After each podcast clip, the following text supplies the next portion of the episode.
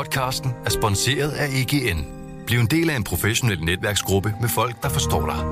De kan hjælpe og inspirere dig gennem dit arbejdsliv, så du hurtigere finder de gode løsninger. Find dit nye netværk på egn.dk. Velkommen til Morgenposten. Berlingskes nyhedsoverblik.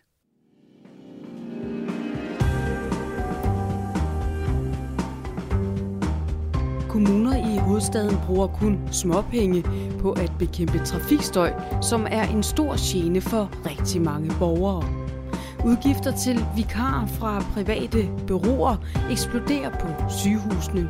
Og så er det snart slut for tusindvis af danskere at slippe for at betale topskat. Godmorgen, du lytter til Morgenposten på en mandag. Det er den 25. oktober, og jeg hedder Mette Melgaard. Trafikstøj er en enorm gene for et meget stort antal borgere i Region Hovedstaden. Alligevel har flere kommuner i hovedstadsområdet kun investeret ganske få penge i at bekæmpe trafikstøj. Det viser en rundspørg til hovedstadskommunerne i politikken. Fra 2010 til 2021 har Gladsaxe brugt omkring 1,4 millioner kroner. Lyngby Torbæk har brugt 7,9 millioner kroner i perioden 2013 til 18, og Rødovre har brugt 15 millioner kroner de seneste 10 år, mens Herlev har spenderet 3,1 millioner. Det er mikroskopisk, siger økonomiprofessor Mogens Foskerav, der forsker i transport ved Københavns Universitet til politikken. Borgmester i Gladsaxe, Trine Græse, erkender, at kommunen ikke har brugt nok penge på at reducere støj fra egne veje. Men i Herlev synes borgmester Thomas Gyldal Petersen, at det er svært at opstille større støjskærme og lave tunneler ved kommunale veje, ligesom han helst vil have lavere hastighedsgrænser. Men det har man ikke kunnet få lov til fra andre myndigheder. Vi skal videre til Jyllandsposten, men bliver ved trafikken og kommunerne.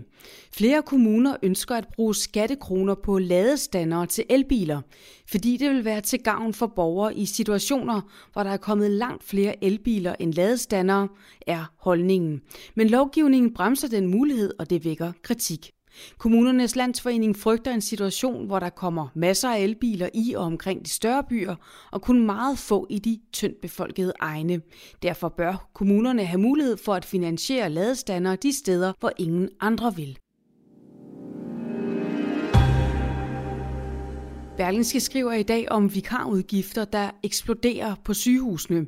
Utilfredshed med arbejdsvilkårene og lønnen får flere sygeplejersker til at søge over i private vikarbyråer, og manglen på medarbejdere tvinger Region Hovedstaden til at bruge stadig flere penge på den konto. Fra januar til september i år har Region Hovedstaden således haft udgifter for knap 19 millioner kroner. Det betyder, at regionen på de første 9 måneder af 2021 har brugt 5,1 millioner kroner mere end hele sidste år, beretter avisen. Og Region Hovedstaden forklarer, at det er af nød, de bruger eksterne vikarer. Når vores interne vikar ikke kan dække behovet, og der er en bekymring for, om hospitalsafdelingerne fortsat kan opretholde den nødvendige behandlingskvalitet, så er vi nødsaget til at bruge eksterne sygeplejerske vikarer, skriver regionen i en e-mail. Dagens lydartikel fra Berlingske er leveret af Business-redaktionen, og øh, den handler om topskatten, der snart slår til igen. Tidligere statsminister Helle thorning Schmidts skattereform fra 2012 har ekstraordinært hævet grænsen for topskatten i 10 år, men fra 2023 er det slut. Det betyder, at grænsen for topskatten herefter ikke længere bliver hævet ekstraordinært, og det får den liberale tænketank Cepos og de radikale til at sende en klar opfordring til regeringen.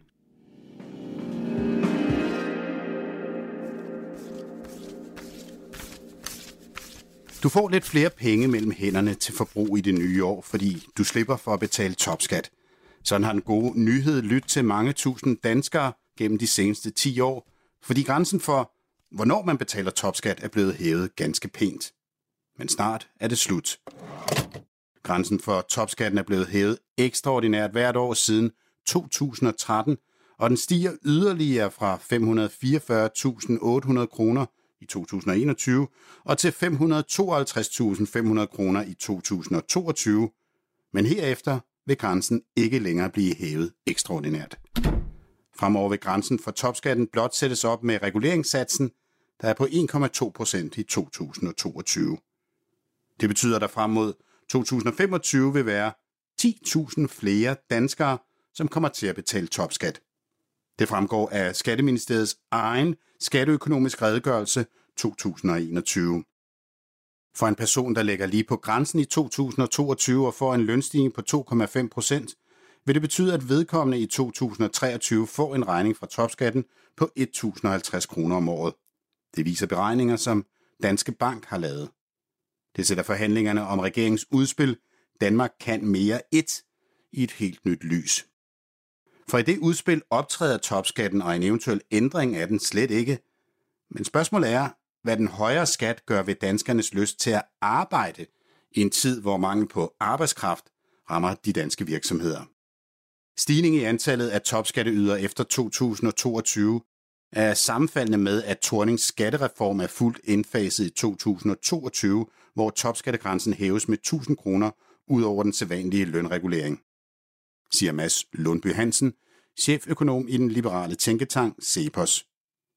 Min anbefaling er, at politikerne øger topskattegrænsen yderligere, så der ikke kommer en stigning i antallet af topskatteydere, men i stedet et fald. Det kunne passende ske nu, hvor Folketingets partier forhandler om Mette Frederiksens jobreform, siger Mads Lundby Hansen.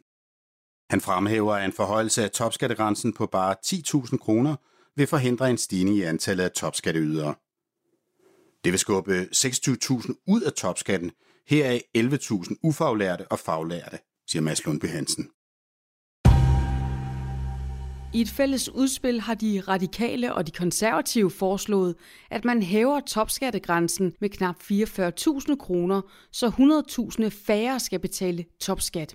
Vi skal nok sørge for, at topskatten er på bordet under forhandlingerne, siger Katrine Oldag, skattepolitisk ordfører for de radikale. Og det er med henvisning til forhandlingerne om regeringens reformudspil Danmark kan mere 1. Vi synes, at når indfasningen af skattereformen fra 2012 er sket i 2022, er det en rigtig god anledning til at genbesøge topskatten. Vi har foreslået at hæve indkomstgrænsen for topskatten, så almindelige mennesker, der arbejder, ikke betaler topskat, siger Katrine Oldag. Artiklen er skrevet af Frederik M. Jul, og der er både mere at læse og lytte til på Berlingskes hjemmeside.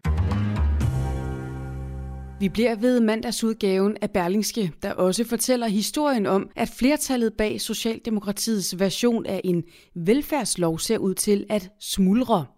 Under valgkampen i 2019 var det et af statsminister Mette Frederiksens store salgsnumre at sikre milliarder til fremtidens velfærd, og det bakkede en lang række partier, blandt andet Venstre, umiddelbart op om. Socialdemokratiets såkaldte velfærdslov skulle sikre, at der i fremtiden tilføres de nødvendige milliarder til velfærdsområdet i takt med, at der ventes at komme flere børn og ældre i Danmark, også kaldet det demografiske træk. Men det nye kapitel er allerede truet, da Venstre er kommet med to ultimative krav til loven, mens både Dansk Folkeparti og Radikale Venstre nu også siger, at man ikke vil stemme for lovforslaget, som det foreligger. Regeringen har sendt et meget primitivt lovforslag i høring, som bærer præg af at være symbolpolitik i anledningen af kommunalvalgkampen. Men det er alene et forslag om, at vi hvert år skal bruge flere penge, mens der intet er i lovforslaget, som sikrer, at pengene rent faktisk bruges på velfærd, siger Dansk Folkepartis formand Christian Thulesen Dahl til Berlingske.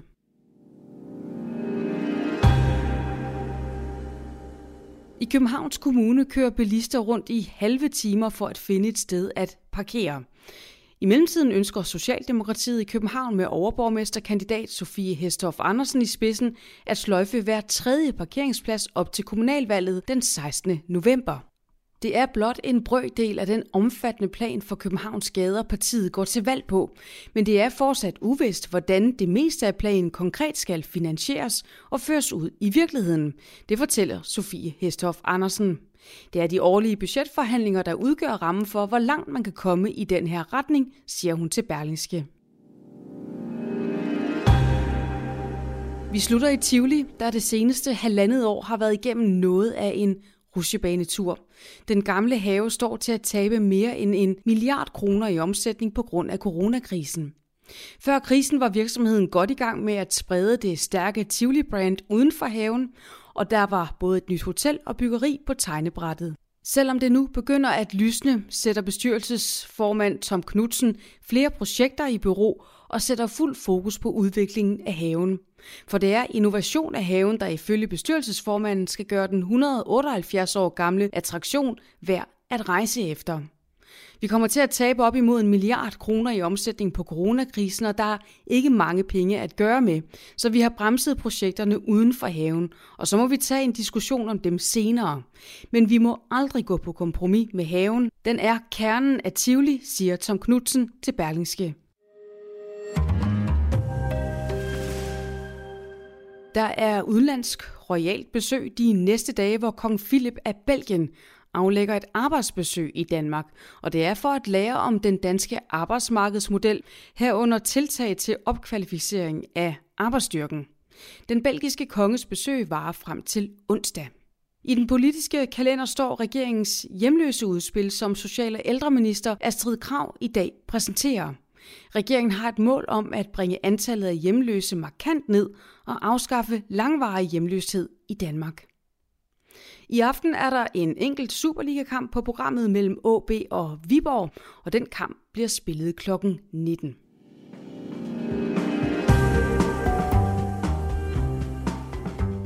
Det var alt fra Morgenposten på en oktober mandag. Tak fordi du lyttede med. Jeg vil ønske dig en rigtig god dag.